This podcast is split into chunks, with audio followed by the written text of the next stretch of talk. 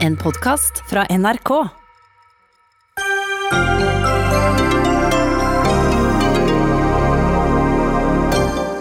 Opptil 13 000 asylsøkere har ingen steder å bo etter brannen i Moria-leiren i natt. Regjeringen vil hente 50 til Norge. Tallet bør ganges med 10, mener SV. Utprøvingen av en av de koronavaksinene som har kommet lengst i løpet, er stanset. Det er ikke uvanlig at testingen av vaksiner tar pauser, sier vaksineforsker. Laila Bertheussen har forklart seg i retten i dag om hvorfor hun gjerne vil lekke nyheter om at hun og samboeren Tor Mikkel Wara, som var justisminister, ble trakassert. Hun er et særdeles aktivt offer, sier en kommentator, men gjør det henne mistenkelig? I Hviterussland er nå ett medlem av opposisjonens ledelse igjen i landet. De andre er arrestert, bortført eller deportert, og diplomater passer på en nobelprisvinner.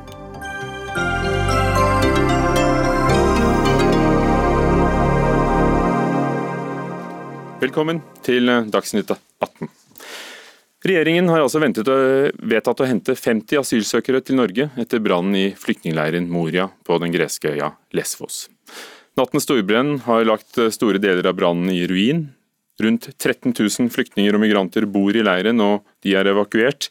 Shirin Tinnesand fra Stavanger, du jobber for Stand by me Lesvos. Du var med på å redde folk fra flammene i natt. Hvordan er situasjonen nå? Det er litt kaotisk på vår side som hjelpearbeidere. Det, det skal være et møte nå, faktisk. Uh, hvor jeg håper at uh, ting vil bli litt mer klar. Til, uh, mellom flyktningene så er det panisk. de vet ikke hva som skjer nå, og de stresser veldig. Hvordan ser det ut i leiren? Jeg vil anslå at 35-40% er totalødelagt. Det er kun ruiner igjen. Til og med de, de mindre berørte områdene. Der kan du òg se eh, skader etter brann. Eh, der er ingen elektrisitet, der er ingenting vann overhodet i leiren. Eh, også når jeg var innom tidligere i dag, så, så var det enda biter som var i brann. 13 000 mennesker omtrent er evakuert. Vet dere noe om hvor disse tar veien? Så, sånn som det skjedde i natt, så ble de egentlig bare bedt om å forlate eh, leiren. Som gjorde at de forsvant eh, på strekk eh, rundt kanskje to mil radius. Eh, vi har noenlunde kontroll på at det kommer til å være rundt ca. 4500 eh, flyktninger som kommer til å være i Moria igjen i natt. Um, de andre 89 000 um, det er litt so-so, fordi at de flytter jo på seg. Og det, selvfølgelig det kompliserer jo veldig også i forhold til å skulle gi nødhjelp. Så vi har ikke helt konkrete tall på hvor folk befinner seg, og hvor mange de er, og hva de behøver. Og etter det du kan vurdere, har myndighetene, greske myndigheter, eh, kontroll på situasjonen. Det høres ut som de ikke har, men hva gjør de for å, eh, å, å hjelpe og, og, gi folk det de trenger og, og vite hvor de er? Um, det er en veldig kaotisk situasjon for alle. Um, jeg er litt usikker på uh, hva uh, som blir innført nå, for det er det møtet som pågår nå. Det er den pressekonferansen de skal ha, det er det som pågår nå. Så det er det jeg håper å få klarhet i eh, litt senere. Men det de har gått ut og sagt, er at Lesvos er nå i en krisetilstand de neste fire månedene. De kommer til å legge inn veldig mye ressurser på å prøve å hjelpe til og assistere med situasjonen. Eh, de 13 000 skal bli flyttet inn i militærbaser som eksisterer her på øyen.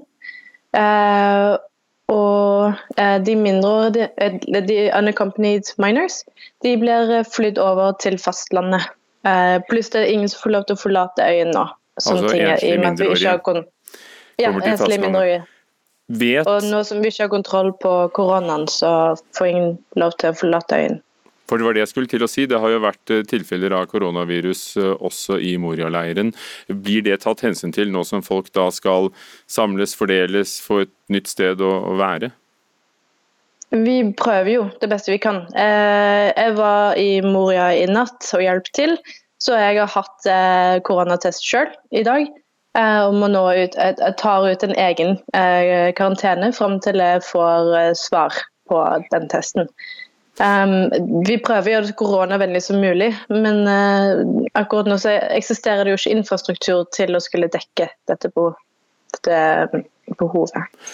Dette er en leir som var dimensjonert for noen få tusen mennesker, og nå har det bodd godt over 10 000 der. Så situasjonen var allerede kaotisk, og nå er altså hele Lesvos øya betegnet som et kriseområde. Eh, men vet du, vet dere noe om årsaken til, til brannen? Eh, så Brann var en konsekvens av eh, en, en riot som oppsto i natt. Det var Uh, den informasjonen som jeg har fått, jeg kan ikke bekrefte det, men den informasjonen jeg har fått av de som bor i leiren, er at det kom noen hjelpearbeidere som skulle ta med folk til karantenesenteret, og så var de ikke flinke nok til å kommunisere hva som skjedde, som gjorde at folk følte seg veldig utrygge. Um, i, og da eskalerte det eh, rett og slett eh, inn i vold. Så faktisk det, det, startet med at bygninger og biler ble, ble ødelagt. Eh, og så ble brannen en konsekvens av alle disse ødeleggelsene. Pluss at brannvesenet var på stedet, men de ble hindra av de som protesterte. Så brannvesenet fikk ikke kommet inn til å slukke disse brannene, som gjorde at brannen kom ut av kontroll. Takk skal du ha, Shirin Tinnesand, som uh, jobber for organisasjonen Stand My me Lesvos, og som også var i Moria-leiren i natt, og som er på Lesvos nå. Regjeringen sier altså at Norge skal hente 50 av asylsøkerne fra Moria-leiren. Kjell Ingolf Ropstad fra Kristelig Folkeparti, barne- og familieminister. Er dette tall som dere hadde pønsket på allerede? For dere har jo sagt at dere ville komme med tall på hvor mange dere vil hjelpe, eller er dette tallet en respons på brannen og krisen? Nei, Dette har jo vært en viktig sak for KrF i lang tid, og en krevende sak eh, i det politiske ordskiftet. og regjeringa Hvordan kom dere til dette tallet? Er det et tall dere kom på nå? Nei, dette er et tall som er, og en beslutning som ble fatta for lenge siden. Og så varsla vi tydelig at uh, vi skal hente når åtte til ti andre land har gjort det samme. Så fra å være et land som ikke var villig til å stille opp, så gikk vi over på ja-lista og var en aktiv uh, pådriver for at dette skulle skje. Uh, og hvis du ser forholdsmessig, så tar Norge veldig mange sammenlignet med de andre europeiske landene. Og for meg som KrF-leder, som i utgangspunktet ønska at vi skulle være først og stille opp, og dessverre var det ikke et flertall for Stortinget det, så har det vært viktig at Norge stiller opp. Og jeg er jo glad for at vi og en felles europeisk dugnad stiller opp og tar imot eh, disse sårbare menneskene. Hvordan velge ut hvem som kommer til Norge? Vi har sagt at eh, vi ønsker å, å, hente barnefamilier fra Syria. og Bakgrunnen for at vi gjør det, er at de er sårbare. Vi vet òg at de vil sannsynligvis få opphold. For jeg mener at... For Hvis de ikke får opphold, la oss si det er ti som ikke får opphold, da, vil dere hente ti til? Eh, altså Dette er detaljer som ikke vi har diskutert, men utgangspunktet er jo at vi henter mennesker som med sannsynlighet eh, vil få oppholdstillatelse. For Det ville vært feil, mener jeg, å hente mennesker og behandle søknaden deres inn og sende dem tilbake igjen. Det ville vært, eh, altså det viktige er å hente mennesker som er sårbare, som trenger hjelp og støtte, og dette skal være ordinære prosesser på, og at de kan få lov å starte livet sitt på nytt eh, i norske kommuner. Her er det flere som vil ha ordet. Vi begynner med deg, Karin Andersen fra SV. Dere mener at dette tallet skulle vært langt høyere? Ja. Og det at dette tallet ble bestemt før helvete brant ned, for å si det sånn. For det er jo det som har skjedd. Dette var et helvete fra før, det har vi visst. Vi har visst det i flere år. FN har trygla om hjelp. Hellas har trygla om hjelp. Lokalbefolkningen er sliten og sinte. Flyktningene er desperate, og unger har ikke fått skolegang på mange år. Så det at man da sier at det er en kriserespons å gjøre det man hadde bestemt seg før, det, altså du vet Kjell Ingolf, at dette er for lite. Du vet at man burde også nå, eh, når det er krise, så må man ta imot det som det er behov for. Og det er altså, Det verste som kan skje nå, er jo ikke at det kommer noen til Norge som får behandla asylsøknaden sin, og så får et nei. Det verste som skjer nå, er at kaoset fortsetter. Det er kaos der. Greske myndigheter har ikke kontroll på dette. Og det er farlig også for Norge. Det er farlig for flyktningene. Det er farlig fordi det blir konflikter rundt dette der nå. Og regjeringa har vært utilgivelig treg med dette, og ikke en, en gang avklart hvordan dette skal skje.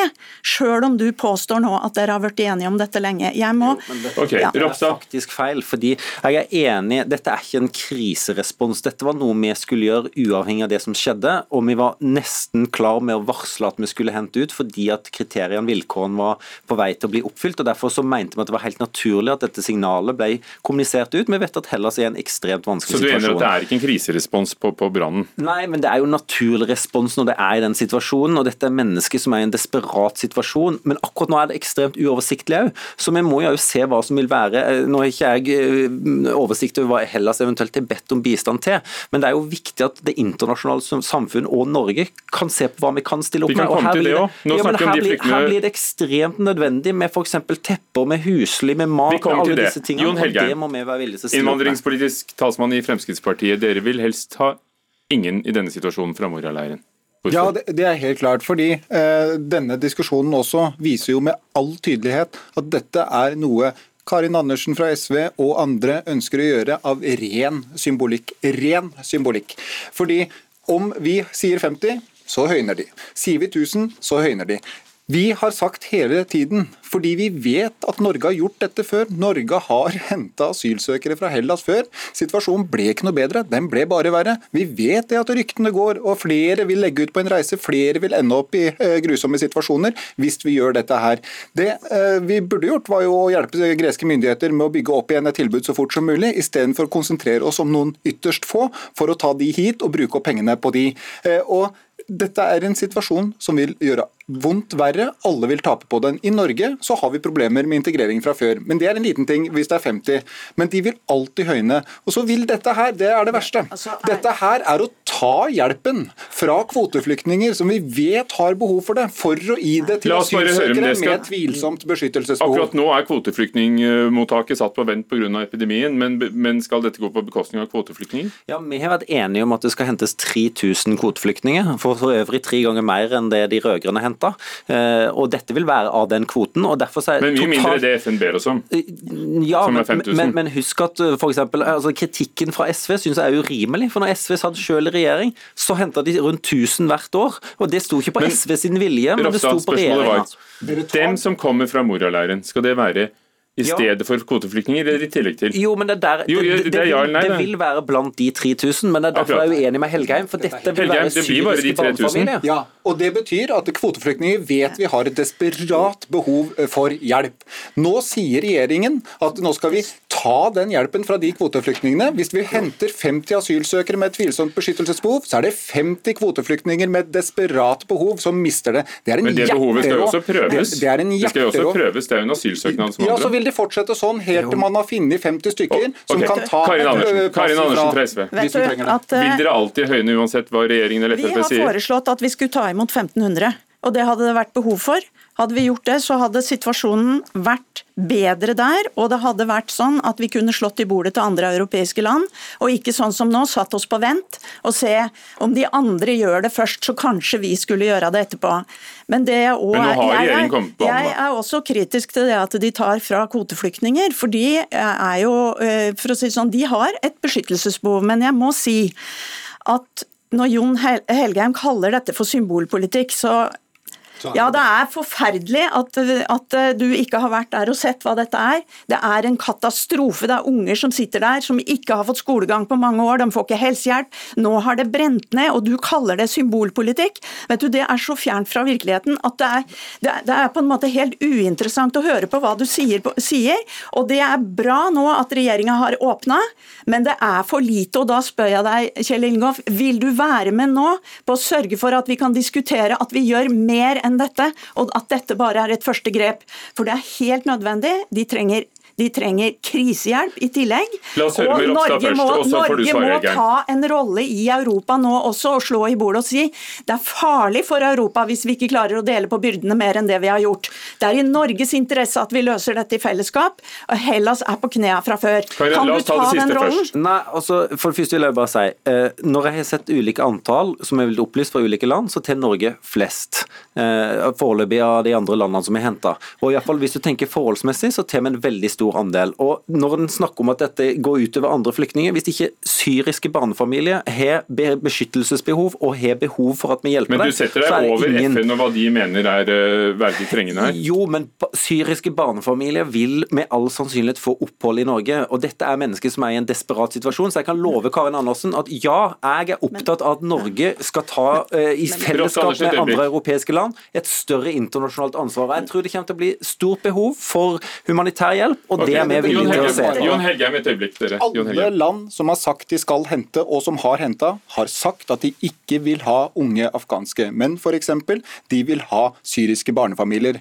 De aller fleste har likevel endt opp med unge afghanske menn, i all hovedsak. Fordi systemet er for dårlig, og fordi det i all hovedsak er unge afghanske menn i denne leiren. Men hvis unge afghanske menn får opp innvilget asyl, så er det vel fordi vi anser at de har et behov? Hvis de kommer til Norge, så vet vi at det nesten er umulig å få de ut igjen, selv om de ikke har et beskyttelsesbehov. Det er veldig mange unge afghanske menn som ikke har beskyttelsesbehov, men de får opphold gjerne av andre grunner, humanitære altså, grunner. Så må jeg svare på dette her med symbolpolitikken. Fordi vi vet det er symbolpolitikk. Om dere sier 1500, så vet vi av tidligere erfaring at det vil i hvert fall komme 1500 nye. Så er det 1500 nye som sitter i en desperat situasjon. Derfor er dette symbolpolitikk som er styrt av overfladiske følelser og som ikke vil hjelpe. Det vil gjøre situasjonen verre både her og der nede, og noen okay, vil miste hjelpen. Det er, det, det, er fornuft, det er fornuft å hjelpe flyktningene, for det er en humanitær katastrofe. Og det er fornuft å hjelpe Hellas og lokalbefolkningen der før det rakner helt. Men ser du at strømmen av migranter og flyktninger over Middelhavet ikke stanser? Men det kommer jo ikke av at uh, Moria har brent ned, eller at europeiske land hjelper flyktninger. Nå snakker, nå snakker, nå snakker jeg. Og det er mange av de som sitter der som har beskyttelsesbehov, og de vi henter hit skal prøve asylsøknaden sin. Har de behov for beskyttelse, får de det. Har de det ikke, skal de hjem. Og det er det ingen som er uenige om. Derfor kan vi ikke sitte nå og sortere på den måten som vi gjør. Nå er det krise, nå må vi evakuere, og så får vi gjøre den sorteringa etterpå. Det er ikke det verste som kan skje disse familiene nå, om de kommer til Norge og må reise igjen. Det verste er at de har sittet der nå i årevis og at vi ikke engang nå klarer å hjelpe dem. Men når du sier at det er disse familiene som kommer til Norge, så har det jo da allerede vært noen som har sortert at det er de som kommer. Jo, og men også, hvordan, Vi hørte jo hvordan situasjonen er på Lesvos nå. Hvordan tror du at dere skal klare å sikre at det er dem dere mener, som like gjerne kunne vært kvoteflyktninger ifølge deg, syriske barnefamilier, som, som kommer? og ja, jeg skulle jo ønske vi kunne puste litt ut nå, for jeg kjenner at ja. Eh, på en sånn dag med en så forferdelig hendelse, så er dette en veldig spesiell debatt å sitte i. Eh, jeg er veldig glad for at Norge Men Du visste jo at den kom da dere kom med dette budskapet? Ja, men samtidig så er jeg glad for at Norge fatter den beslutningen. Kan alltid diskutere hva mer kan vi gjøre, vi skulle gjort noe annet. Men, men nå er jeg veldig glad for at dette skjer, og vi skal gå i dialog med EU. Vi skal se på hvordan vi kan velge ut. Vi har sagt vi mener det er riktig å hente de som med sannsynlighet vil få opphold, eh, fordi at de vil komme til råde. De vil bli testa for covid-19 hvis det er det en er bekymra for, vil gjennomføre vanlig asylprosess.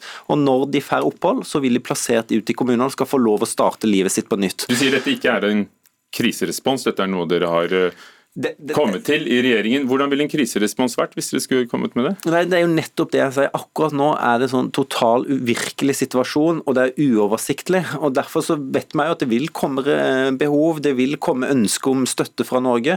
og Vi er beredt til å diskutere det. og jeg mener Det internasjonale samfunnet har et stort ansvar. fordi Hellas er tilfeldigvis i den situasjonen at det er de grenser til Middelhavet, og flyktningene og asylsøkerne kommer dit. og Da må vi i europeisk fellesskap Så vi får se. Helgen, Hvordan mener du at en kriserespons skulle vært nå? Nei, det skulle vært også gått kraftfullt inn eh, for å hjelpe eh, akutt med å bygge opp et tilbud for de som nå mister det. For Hvis vi henter 50 eller 1500 hit, så kommer det fortsatt til å være 10 000 der som ikke har noe behov. Og sånn kommer det alltid til å være. Så denne debatten kommer uansett? Denne kommer uansett. og det, Jeg skjønner at det blir litt følelser i disse debattene. Her er det mange engasjerte mennesker, inkludert meg selv. Og jeg blir opprørt når vi hver gang har en sånn diskusjon, så er løsningen å gjøre mer av det vi vet ikke funka før. Men det er jo ikke bare regjeringen. Nå ser du at både Bergen kommune og Oslo kommune sier at vi kan ta 50, sa Bergen. Oslo kommune sier vi kan ta. dette er totalt uh, uansvarlige byrådsledere rundt omkring, som har store problemer med integreringen fra før, som ikke klarer å følge opp på noe som helst måte. Og de er bare opptatt av en lettvint, overfladisk løsning som er basert på overfladiske følelser. Vi vet at okay. dette ikke Karin Andersen, Hvis dere alle kommer med litt kortere resonnementer, så får dere flere. Karin Andersen, hva sier du til det at, at kommuner som Oslo og Bergen sier de gjerne vil Ja, Det viser jo at flertallet av, i Norge er anstendige folk som skjønner at vi er nødt til å hjelpe når det er krise. Så det Fremskrittspartiet holder på med er jo et mindretall.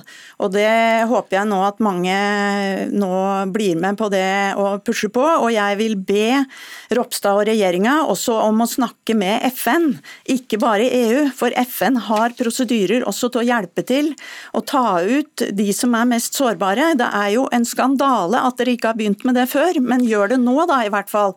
Sånn at vi kan få plukka ut og hjelpa til nå så fort som mulig. Og at man får satt i gang dette arbeidet raskt, fordi det er klart det er helt katastrofe der nå.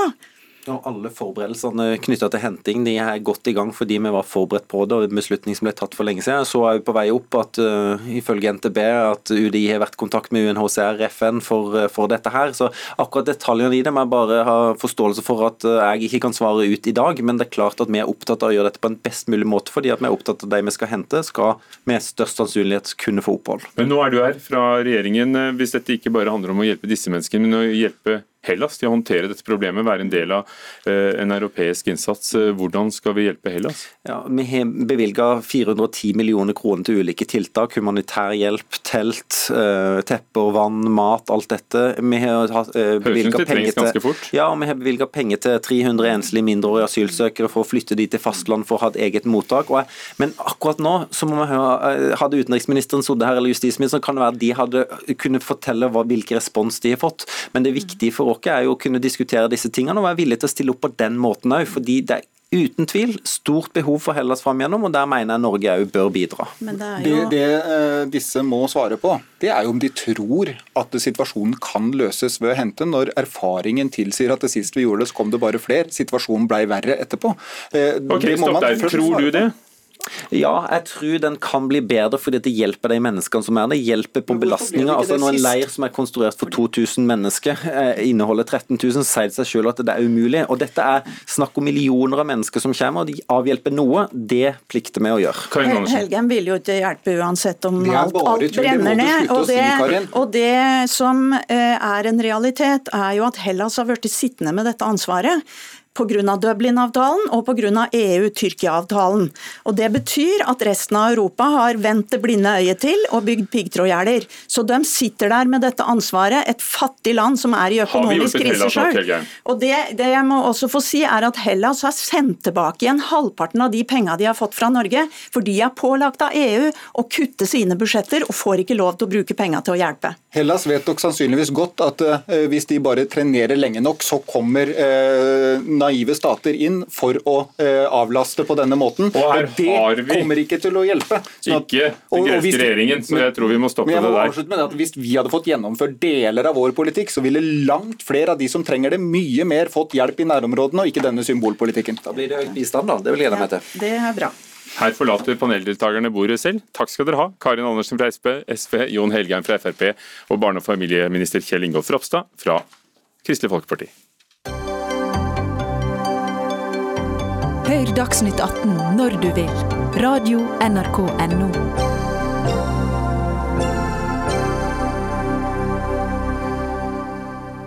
En privat krangel om et Facebook-innlegg, en falsk profil som Anita Berg for å ta ut frustrasjon, det var ordene som ble brukt i retten. Det var noe av det som kom frem da Laila Bertheussen forklarte seg under andre dag i Oslo tingrett i dag. Dette er altså rettssaken der samboeren til tidligere justisminister Tor Mikkel Wara står tiltalt, bl.a. for angrep på demokratiet og for trusler både mot Wara, men også mot FrPs Christian Tybring-Gjedde og Ingvild Smines Tybring-Gjedde. Martine Aurdal, kommentator i Dagbladet. Andreas Slettholm, kommentator i Aftenposten. Dere har fulgt eh, rettssaken i salen i dag. Martine Aurdal, hva, hva sitter du igjen med? Nei, Det har vært litt av en dag, så det, vi, vi, kunne snakket om dette i mange timer. Eh, det har jo vært eh, den første gangen vi har hørt Eh, den tiltalte forklare seg for offentligheten. Hun skrev jo noen Facebook-innlegg eh, innledningsvis, der hun, eh, og dette, denne VG-kronikken selvfølgelig ikke minst, som reaksjon på, på stykket 'Ways of Seeing'. Men ellers så har hun jo valgt å ikke stille med navn og bilde i offentligheten, og heller ikke forklart seg for politiet på ett og et halvt år. Dagen begynte bra for Bertheussen. Hennes forberedte, eh, frie forklaring ga inntrykk av en eh, sympatisk og sjarmerende dame som var både morsom og utfyllende i sin forklaring om Laila fra Lødøen som flyttet til Oslo og, og møtte mann i sitt liv i 1993 og har levd et kvart århundre sammen med ham. Og det var da forståelig og at hun både var opprørt og sint på både politiet og på dette teaterstykket. Alt dette endret seg jo etter første pause da aktoratet begynte sin utspørring. Vi skal høre hvordan. Andreas Slettholm, hva sitter du igjen med etter denne dagen i retten? Nei, som, som Martine sier, så er det jo veldig mye.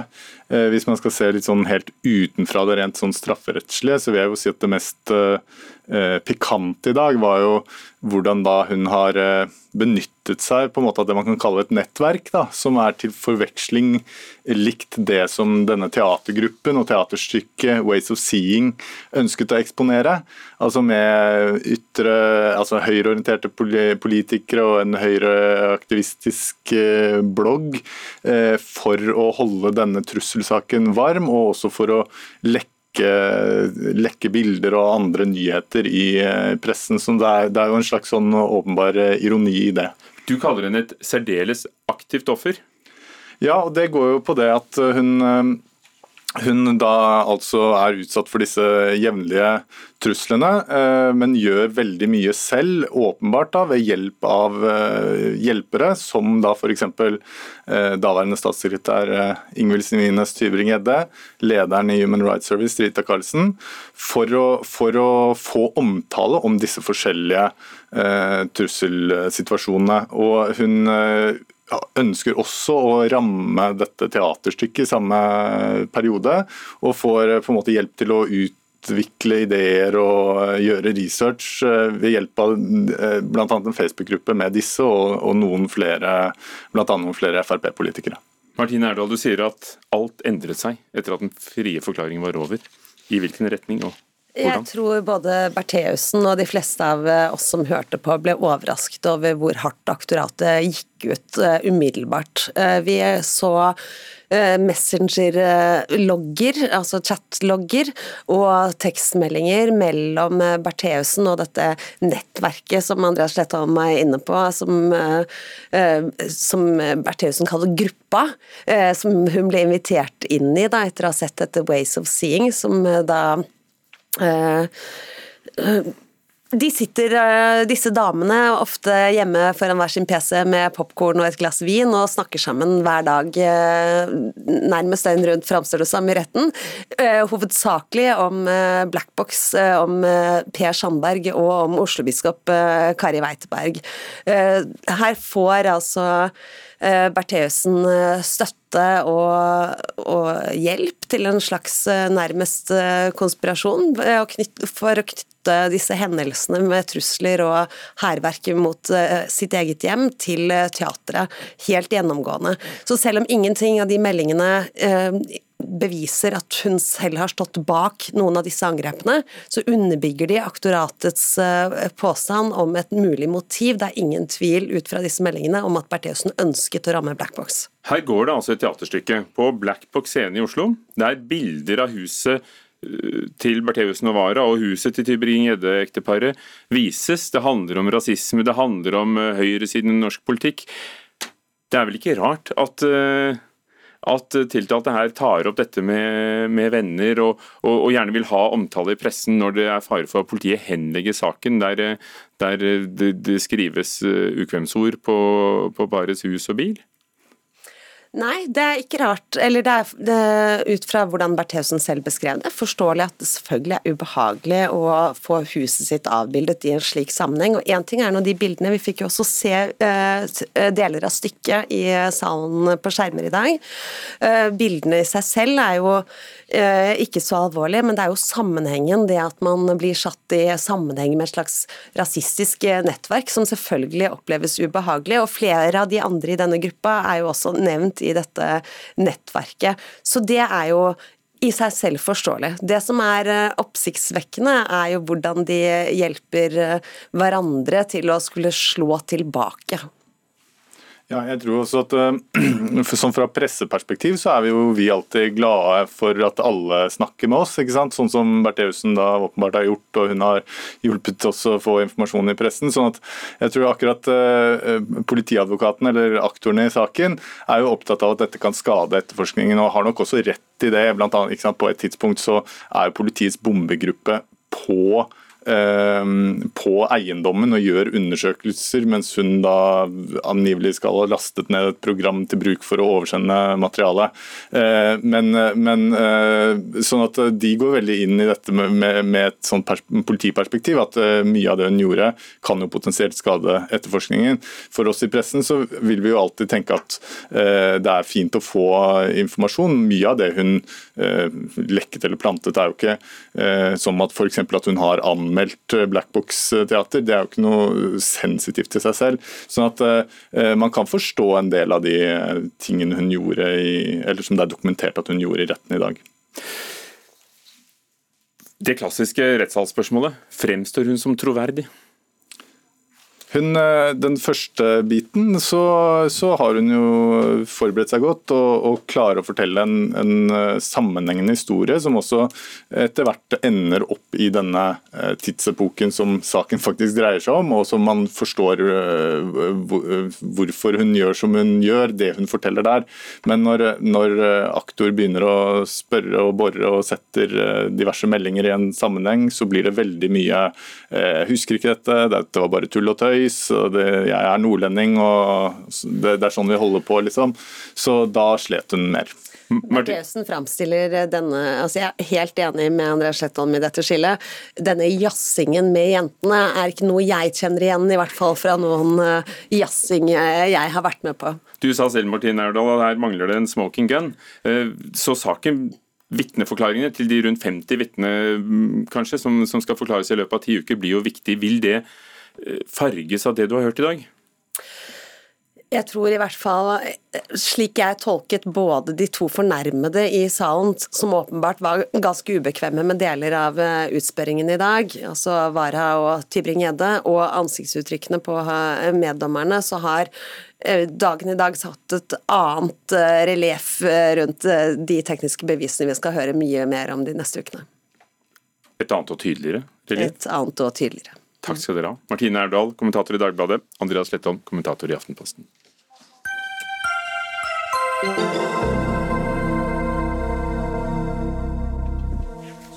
Nå ligger Norge på det vi kaller rødt nivå i koronavirussmitte, over 20 tilfeller per 100 000. Flere av oss blir testet, men så er det også lokale utbrudd i Bergen, Sarpsborg og Fredrikstad. Og hvor ligger håpet? Ja, kanskje i en vaksine. Og Nå viser det seg at utviklingen av en av de vaksinene som kanskje var kommet lengst, nemlig den fra AstraZeneca, er stanset, eh, i hvert fall midlertidig, etter at en testperson i Storbritannia skal ha fått en potensielt uforklarlig sykdom. Dette er det nettstedet Statt som skriver om helsenyheter, som skriver i dag. Jon Arne Røttingen, direktør i Forskningsrådet, påtroppende ambassadør for global helse, selv epidemiolog. Eh, viser dette at å, å lage vaksine det er et sjansespill? Ja, det viser det. Eh, nå skal vi ikke ta negative konklusjoner på forskudd, eh, men det er jo slik at eh, vi vet det er usikkert å teste ut vaksiner. Ca. én av fem som går inn i klinisk utprøving, kommer ut som ferdig godkjente vaksiner på andre siden. Men det er jo som sagt ikke foreløpig et sikkert tegn på at denne vaksinen nå ikke skal gå videre. Det de har gjort, det er å stoppe inntil videre, videre studier eh, for å undersøke dette tilfellet nærmere. Og det viser den store verdien av å gjøre grundige undersøkelser av vaksiner før de godkjennes. Og kanskje faren med å hoppe over noen stadier? Og Det illustrerer absolutt at man ikke skal hoppe over stadier, sånn som noen da, land har valgt å gjøre. Gunnveig Rødland, forskningsgruppeleder ved Institutt for klinisk medisin, Universitetet i Oslo. Du, du er selv med på å forske frem mulige vaksiner og, og, elementer i det. Ehm, hva forteller det deg at AstraZeneca har stanset opp? Det første det forteller, er faktisk at eh, systemet fungerer. Eh, man tar en pause når man ser at det er grunn til å tenke seg om, og går dokumentasjonen litt mer i sømmene. Og deretter ikke bare tar man en pause, man informerer òg offentligheten om at man tar en pause. Eh, og jeg tenker at dette egentlig bare øker den tilliten som vi kan ha til systemene som ligger rundt klinisk utprøving. Hva skjer nå, tror du? Hva, hva skal til for at eh, de fortsetter igjen? Hva må de undersøke? De må ta og prøve å finne ut akkurat hva det var eh, som forårsaket eh, disse symptomene, eh, eller disse bivirkningene hos eh, denne personen. Fordi Det man ikke vet ennå, er om dette er relatert til eh, vaksinen, eller om det har oppstått av andre faktorer. Det er sånn at Når du tar og rekrutterer personer til store kliniske studier, så kan det ligge underliggende medisinske bakgrunner bak som du rett og slett ikke klarer å fange opp, og som personen kanskje ikke kjenner til. Hvis de da kommer opp i løpet av den kliniske studien, så må du likevel utelukke at vaksinen er det som har eh, påvirket eh, den medisinske tilstanden. Så du må finne ut hva som er grunnen her. Det er vel ikke helt offentlig bekreftet, men New York Times skriver i hvert fall at det visstnok er eh, ryggmargsbetennelse, og det, det låter alvorlig. Jon Arne Røttingen, hvilke tanker gjør du deg? Ja, Det er jo en sjelden tilstand. Vi vet ikke om det er det som er tilstanden. Det har ikke AstraZeneca selv bekreftet. Men hvis det skulle være en slik tilstand, så er det en veldig sjelden tilstand. Den eh, forårsakes av immunologiske reaksjoner. Det er ikke en infeksjon. altså Det er ikke selve viruset eller andre ting som har forårsaket det, men det er si, kroppens egen reaksjon. Så det er en betennelsesreaksjon. Eh, hva som har eh, satt i gang den reaksjonen, hvis det så viser seg å være det i denne pasienten, det er det som må undersøkes nærmere. Eh, og Det er jo på mange måter to måter å finne ut om dette med bivirkninger. Det er å gjøre dybdevurderinger hos enkeltpasienter som har sjeldne og alvorlige bivirkninger, som da skjer både under en klinisk utprøving sånn som dette, eh, eller i og for seg vanlig monitorering og oppfølging av vaksiner, som vi har bivirkningsregistreringssystem på i Norge i dag. Og Den andre metoden er å statistisk rett og slett sammenligne grupper eh, og se om det er en økt forekomst av tilfeller av bivirkninger eh, i den gruppen som får vaksiner, sammenlignet med en kontrollgruppe. Og Det har vi jo foreløpig ingen eh, data på for disse vaksinene. Da svineinfluensavaksinen kom, og etter hvert så, så, er det blitt klart Folkehelseinstituttet har slått fast at det var en økt risiko for narkolepsi, sovesyke, blant barn og unge. Er det noen ganger en kalkulert risiko vi må ta, hvis vi også vil ha fordelene av en vaksine, f.eks. mot koronavirus? Det aller første jeg da vil si, er at når det gjelder narkolepsi, så kunne òg selve viruset forårsake det. Både vaksinen og viruset. Og Det er et viktig poeng, fordi det er ganske sjelden du ser bivirkninger som ikke selve viruset kan forårsake. Man har funnet en overhyppighet eh, etter eh, vaksinering eh, mot svineinfluensa, men det gjelder heldigvis svært få tilfeller. Eh, Men spørsmålet var, Vil vi vi alle, ved f.eks. også dette tilfellet, da, et koronavirus, måtte godta en overhyppighet av noen bivirkninger fordi viruset er som det er? Mulig. Eh, fordi eh, Hvis vi går tilbake til svineinfluensa, så hadde det, hvis du hadde testa millioner av individer over hele verden, så hadde det likevel vært vanskelig å identifisere narkolepsi som en bivirkning, med mindre du hadde inkludert en stor kontingent fra Skandinavia. Eh, fordi eh, det er mange faktorer som påvirker hvordan vaksiner fungerer. Så ja, for å svare helt klart på spørsmålet ditt, det vil alltid være en viss risiko med eh, vaksiner, men man gjør grundig testing for å sørge for at den er så lav som overhodet mulig. Og man vaksinerer aldri før man finner at det er en god balanse mellom risiko og eh, hva skal man kalle det, gode eh, for både individet og for samfunnet som helhet. Det er flere vaksinekandidater enn den som er stanset nå. Flere land jobber med dette. og EU har inngått eh, avtale med, eh, med, mange produsenter om å skaffe hundrevis av millioner av, av, av doser. Jon Arne Røttingen, hvem har kommet lengst? Nei, Det er nå åtte vaksiner som er i fase tre, altså i den fasen hvor man undersøker om de beskytter mot sykdommer, beskytter mot infeksjon. Denne AstraZeneca-Oxford-vaksinen var en av de åtte. Eh, blant de også så er det fire kinesiske vaksiner, én russisk og tre det vi kan kalle vestlige, da, hvis vi skal bruke en slags geopolitisk eh, innordning av det, og ikke en eh, eller si, immunologisk eller vaksineinngang. Blir det viktig for hvilke vi velger å forsøke å anskaffe? Nei, det tror jeg ikke nødvendigvis. Men det som er viktig, det er at vi må ha, sikre god tilgang i hele verden. og Det betyr at hvor produksjonskapasitetene for disse vaksinene eh, til slutt vil foreligge, det er utrolig viktig å ha gode prosesser på. og Det er jo det Norge nå arbeider veldig hardt for. At vi skal sikre gode felles innkjøpsordninger eh, som sikrer at det er rettferdig tilgang til vaksiner i verden. Og Rettferdig handler jo om at vi Det blir din rolle da, som global helseambassadør? Ja, sammen med et stort team i Norge og ikke minst mange team i andre land. Altså, dilemmaet her er jo vi ønsker å komme ut av denne pandemien. Og en pandemi eh, affiserer hele verden på en gang. Eh, skal vi få unna de sosiale og økonomiske konsekvensene av pandemien, så må vi hjelpe alle land for å komme gjennom den. og Da er vaksine faktisk eh, våpen nummer én.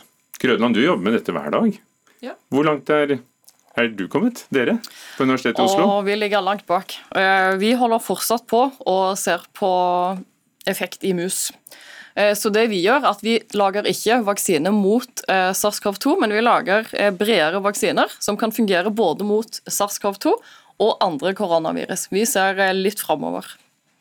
Kanskje det viser seg å være veldig lurt. fordi Når vi snakker om vaksine, så ser vi jo fortsatt alle fremover. Er det sånn Jon Arne Røttingen, at eh, det ville vært like viktig å fått en, en kur, medikamenter som virker, forkorter liggetiden, eh, øker helbredelsen? Ja, Jeg vil ikke sette de opp mot hverandre, men det er helt klart veldig viktig å prøve å sikre at vi har behandling som gjør at alvorlig sykdom kan forhindres. Eh, nå har vi én klart dokumentert effektiv behandling, og det er å bruke det vi kaller for steroider. Prednisolon, dexametason er i og for seg ulike eh, medikamentnavn. Eh, og De har en veldig god effekt på alvorlig syke pasienter som trenger respirator eller ekstra oksygen. Men vi trenger også et bredere sett av eh, behandling. og Det neste som er lovende, er det vi kaller for monoklonale antistoffer. altså det Kunstig fremstilte antistoffer. Og Det vil bli prøvd ut i relativt stor skala snart. Alle disse samtalene om vaksine mot koronavirus må avsluttes med spørsmålet når tror dere vi får en vaksine? Gunnar Gredland.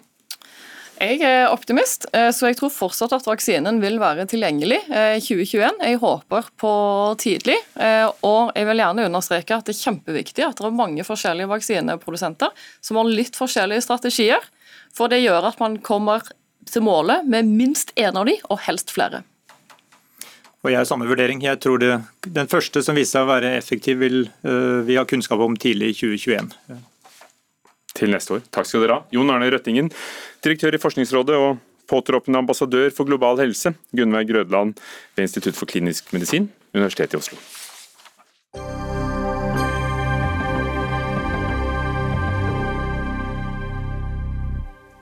Aleksandr Lukasjenko klamrer seg til makten i Hviterussland. Arrestasjoner og bortføring av sentrale og kjente medlemmer i opposisjonen er nå dagligdags. Over 600 er fengslet etter demonstrasjoner. Eh, andre ledere er eh, bortført, og så sendt i eksil. Eh, og noen vet vi ikke hvor er. Den kjente forfatteren, nobelprisvinner Svetlana Aleksejevitsj, er den siste av syv opprinnelige medlemmer i det opprinnelige koordineringsrådet som opposisjonen har laget for å sikre overgangen av makten, de som er igjen i landet. Morten Jentoft, utenriksreporter. Du befinner deg i Vilnius i, i, i, Litauen, hvor Erna Solberg i går møtte en av opposisjonslederne. Hva mer vet du om situasjonen nå? Det vi vet nå i ettermiddag, det er at uh, Maria Kalesnikova, som det har vært mye snakk om denne uken her, etter at hun ble kidnappet på åpen gate i eh, Minsk på mandag, så ført ned til grensen mot Ukraina, men angivelig eh, ødela sitt eget pass, slik at hun ikke kunne deporteres inn i Ukraina. Hun skal nå sitte i et varetektsfengsel i eh, Minsk. Og Hennes far Aleksander han sier nå til medier at hun er da anklaget etter paragraf 361 punkt 3 i den hviterussiske straffeloven. Det er altså for å oppvigle til, til maktendringer maktendring altså i Hviterussland. og risikerer da en straff på mellom tre og fem år. Den samme paragrafen skal også være brukt mot Maksim Snakk, som er eh, det siste av medlemmene i dette eh, koordineringsutvalget som du nevnte. Han ble jo arrestert tidligere i dag. Sånn at Vi ser altså et mønster. Myndighetene går nå på enkeltpersoner, ledere for opposisjonen, for på den måten å forsøke å knekke protestene. Og så er det da nobelprisvinneren som eh, sitter inne i sin leilighet. Det var rapporter om maskerte menn utenfor den. Hun ble plaget av oppringninger og folk som tulleringte på dørklokken. Men eh, er hun trygg? Ja, det er hun nok sannsynligvis ikke. Men eh, vi har jo sett i dag en kraftig markering fra en rekke diplomater. Bl.a. en ansatt en diplomat ved den svenske ambassaden i eh, Minsk, eh, som da har vært i eh, leiligheten til eh, Svetlana Aleksejevitsj for å markere internasjonal støtte til henne. Og De har også sendt ut bilder av flere andre diplomater, ikke ambassadører, men litt lavere ned eh, på hierarkistigen i disse ambassadene. Men en kraftig markering altså fra det diplomatiske korps til støtte for Svetlana Aleksejevitsj. Hun har også sendt ut en, en appell der hun sier det at hun ikke har tenkt å gi seg. og hun oppfordrer oppfordrer på det aller sterkeste da, til myndighetene og Aleksandr Lukasjenko om å snakke med sitt, eh, sitt eget folk. Så eh, selv om vi vet at eh, Svetlana Aleksejevitsj ikke har vært helt frisk i det siste, så velger hun altså ikke å gi seg. og Det er tydelig at myndighetene er, kvir seg for å arrestere kanskje Hviterusslands mest kjente kunstnerforfatter. For da hjelper det jo sikkert at hun fikk nobelprisen i litteratur i, i 2015. Inna Sangatsjeva, seniorrådgiver i Helsingforskomiteen, statsviter, du er selv fra Russland. Det er tydelig at opposisjonen ikke lar seg kneble. En møtte Erna Solberg i går i, nettopp i Vilnius, der uh, vår reporter er. Uh, vi hører uh, nobelprisvinneren i litteratur som snakker, men hvilken fremtid ser du for deg? Hvordan skal de få kommet med budskapet sitt? Ja, Han må vi se fra tre ulike perspektiver. ikke sant? Fordi det er først og fremst opposisjonen snakker om at dette er intern forhold. Dette er også eh, fredelige protester mot eh, valgfusk. Og eh, Svetlana Tikhanovskaja og Maria Kalesnikova og eh, andre de ønsker en fredelig løsning på denne eh, konflikten. På den andre siden så ser vi at Lukasjenko prøver å holde ved makten. Han eh, henvender seg til Putin. Han eh, ønsker eh, å provosere, men på den andre siden så ser vi at protestene er ikke sluttet. Og de kommer ikke til å slutte.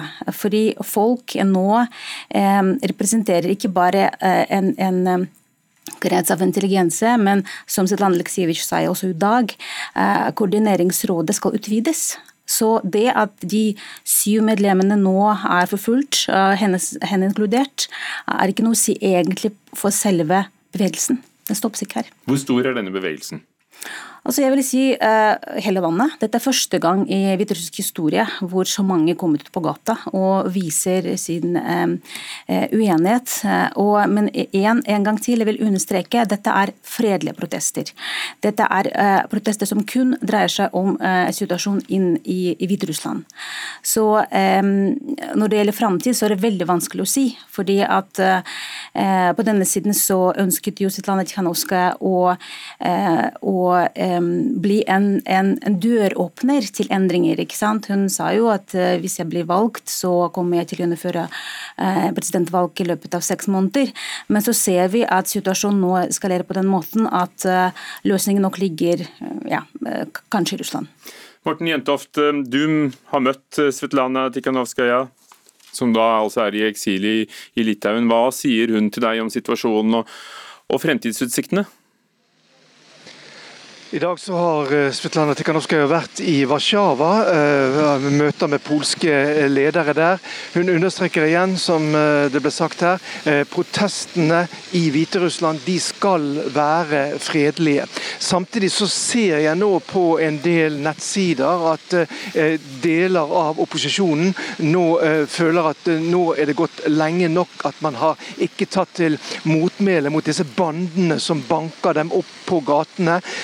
Eh, vi ser at det kommer oppfordringer om å danne selvforsvarsgrupper, bl.a. i oppganger eh, i bydeler i eh, Minsk. Det kan jo bety en eskalering av situasjonen. Det er kanskje det som myndighetene også ønsker. Men det kan altså bli mer dramatisk i, i Hviterussland før man eventuelt finner fram til en løsning. Er det noe som tyder på at Aleksandr Lukasjenko vil trekke seg? Vi har jo sett et intervju som eh, han har gitt til eh, russiske eh, medier, statlige medier. Det er jo en besynderlig seanse, dette. Der disse Putin-vennlige journalistene stiller mer eller mindre ukritiske spørsmål til Aleksandr Lukasjenko. Men der kom han jo med en antydning om at han kanskje har sittet lenge nok, men at det er bare han som er en garantist for at Hviterussland ikke går i oppløsning. Og I tillegg så spiller han jo også rått på det russiske publikum eh, og sier det at eh, hvis eh, kan du si, protestene vinner fram i Hviterussland, ja, så er det neste da Russland. Så han bruker jo nå dette russiske kortet for det det er verdt. Men samtidig så vet vi jo også at den russiske presidenten Vladimir Putin ikke har vært spesielt glad i Aleksandr Lukasjenkos ulike politiske krumspring. Så fra russisk side så ser man nok situasjonen an, og det viktigste for dem er nok å få en, en, en person da som, som, som eh, eh, de kan stole på. I dag var det også interessant å se at Svetlana Tikhanovskaja gikk ut eh, med en appell på YouTube til et russisk publikum, der hun sa det at dette ikke handler om et valg mellom Russland og Vesten, at vi ønsker et godt forhold nettopp til, til Russland. Så hun prøver da å møte da den taktikken som Lukasjenko har lagt seg på, at opposisjonen ja, den er russisk kritisk og ønsker å bryte bånd med Russland. Men er det likevel, Inna Singatsieva, eh, sånn at Hviterussland ligger der, mellom Russland og Vesten, og blir en brikke i det spillet? På en måte, sånn slik som det ser ut, ja, det er jo det. Det det er i Hviterussland som møtes disse ideologiske motspillene mot demokratiske og eh, mot autoritære. ikke sant? Og for Putin er selvfølgelig er jo det uheldig å se at eh, at det neste landet forlater hans hav. Så, eh, men på den andre siden så dette er igjen dette er en hviterussisk eh, ehm, eh, kamp mot frihet, og det er veldig viktig at vi her i Vesten, i Norge, også støtter den. Vil Lukasjenko falle eller trekke seg? Jeg vil si at han vil gå. Takk. Inna Sangatseva, seniorrådgiver Helsingforskomiteen, og Morten Jetentoft, vår utenriksreporter som var med fra Litauen.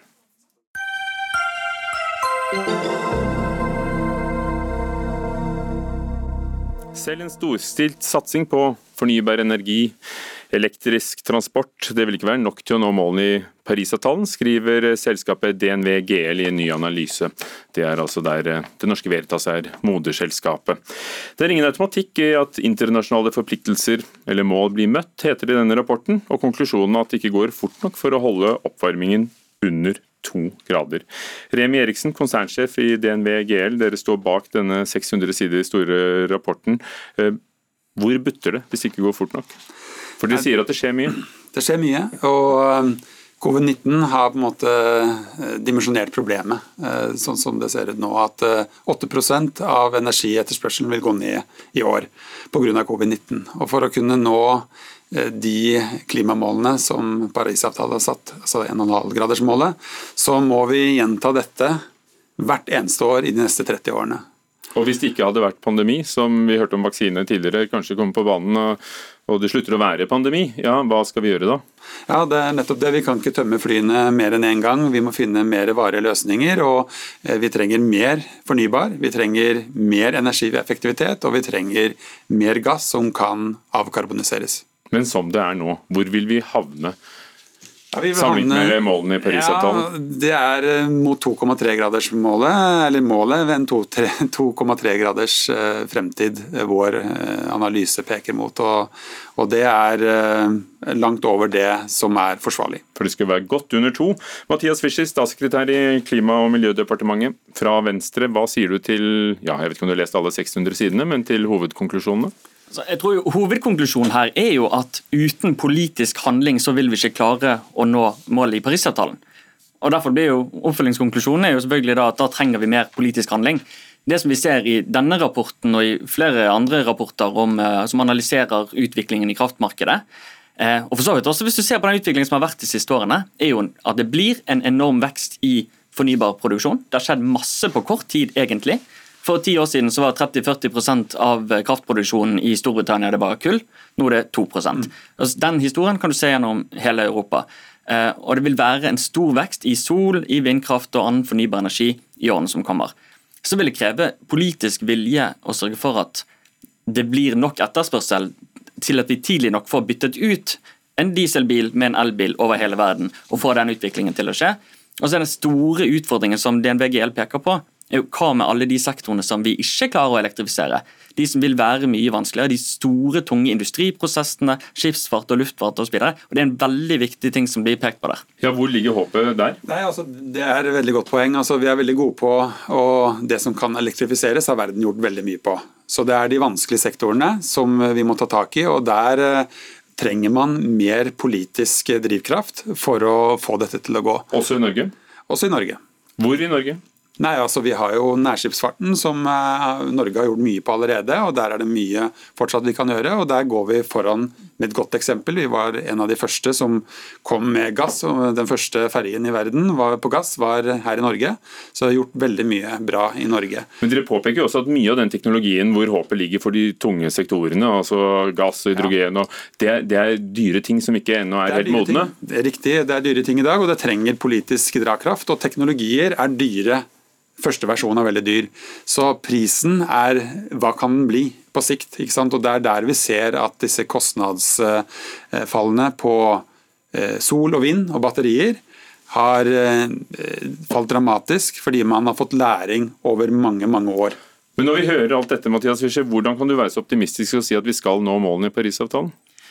Det er fordi at jeg tror at det er politisk vilje, både i Norge og Men Norge hjelper jo fint lite. Ja, Norge hjelper også. Og eh, Du ser den utviklingen som skjer i Europa. i Den eh, måten EU håndterer korona på, med sterke investeringer også i eh, fornybar og i omstillingen til et grønnere samfunn. Det er veldig positivt. Så tror jeg at Men De har regnet på det også. Det er også mer, skjønner du. Og de sier at det, det hjelper ikke selv effekten av koronaepidemien gjør at vi ender på 2,3 grader. Ja, altså jeg tror nok at Effekten av koronapandemien netto vil være negativ for klimautviklingen utviklingen fordi at du får en brems i, i økonomien, og, og, og, det vil være krevende. Men Det som dette peker på, er jo den, lille, den krevende to løpene som vi må kjøre i klimapolitikken. Norge har i hovedsak to klimamål. Vi skal halvere utslippene i 2030, og så skal vi være et lavutslippssamfunn i 2050. Sånn at Innen 2030 så må vi ta disse kuttene som vi kan ta nå. Vi må bytte ut så mange biler som mulig. Vi må gjøre alle de tingene som egentlig er innenfor rekkevidde, hvis vi bare tar de grepene. Og så må du også kjøre det langsiktige løpet om å få utvikle, utvikle hydrogen som kan være en energibærer til eh, for skipsfarten osv. De lange løpene til de utslippene som sannsynligvis da vil være igjen etter 2030. Og Hvis vi klarer det, har dere regnet på det, vil det da lykkes, eller vil det aldri lykkes? Er det så pessimistisk ansvar dere har? Nei, det er mulig å nå eh, målene i Parisavtalen, men det må kraftig løft til. Og men også til å si at Det er også en mulighet for Norge som industrinasjon. Ja, du sier at vi sitter på vinnerloddet? Ja, ja, det tror jeg. Vi sitter på en mulighet. Vi har tatt skrittet fra skipsfart, til, som var veldig viktig for å komme inn i olje og gass. Og vi har kompetanse i olje og gass som vil være veldig viktig for å kunne lykkes f.eks. i å avkarbonisere gass det å bygge ut flytende havvind, som vil være viktige teknologier, og hvor vi har clustere i Norge med forskningsmiljøer, vi har utdanningsinstitusjoner og mange selskaper som kan bidra til å hva skal jeg si, bygge et nytt eh, norsk industrieventyr. Og der tror jeg Men de gjør vel det hvis det lønner seg? Hvis det er så, så, mye gull og grønne skoger å hente som det virker? Det vil ikke lønne seg i dag én. Det vil måtte kreves flere år med satsing for å få kostnadene ned. Det er det hele poenget. Sol har jobbet med dette i 10 år, 20 år, fått kostnadene ned. Vi er helt i startgropa på flytende offshorevind og på CCS, da, som skal til for å avkarbonisere gassen. Ja, men Lønner det seg eller ikke, det er jo også et politisk spørsmål. Det er jo derfor vi, norsk industri en, og petroleum er en del av EUs kvotemarked, som setter en pris på utslipp. Det er derfor vi har en CO2-avgift som setter en pris på utslipp. Sånn at Jo mer du kan sørge for å prise utslippene sånn at det koster mer å slippe ut, jo mer lønnsomt gjør du det å utvikle ny teknologi som kutter utslippene. Det er den politiske oppgaven, å sørge for at den lønnsomheten kommer der. Er dere klar for den oppgaven? Å øve mer press og satse mer for å ja, få det til? Da? Absolutt. Og det er, jo, det er, jo, det Norge har ført en ganske offensiv politikk på, å prise utslipp i mange år. og som en del altså Særlig da, hvis du skal snakke om petroleum, der det er store utslipp og i kvotepliktig sektor. Der ser vi jo at det kvotesystemet i Europa det fungerer veldig godt. Og vi har en, i verdenssammenligning en enormt høy CO2-avgift i Norge. og det å sørge for at det lønner seg å kutte utslipp, det må være nøkkelen. Men Rem Eriksen, nå skal du få spørsmålet. Hjelper det hva Norge gjør? når vi er så små? Det hjelper fordi at det sender noen signaleffekter. Og så tror jeg at Norge som gasseksportør vil kunne påvirke hva slags type gass som blir etterspurt i Europa. Så det at det er en ganske stor risiko å tro at Europa vil etterspørre den gassen sånn som den er i dag. Takk skal dere ha. Remi Eriksen, konsernsjef DNV GL som står bak denne rapporten, og Mathias Fischer, statssekretær i Klima- og miljødepartementet. Det var Dagsnytt 18. Lisbeth Sellereite var teknisk ansvarlig, Dag Dørum ansvarlig for det hele, Ugo Fermariello programleder. Takk for i dag. Du har hørt en podkast fra NRK. Hør flere podkaster og din NRK-kanal i appen NRK Radio.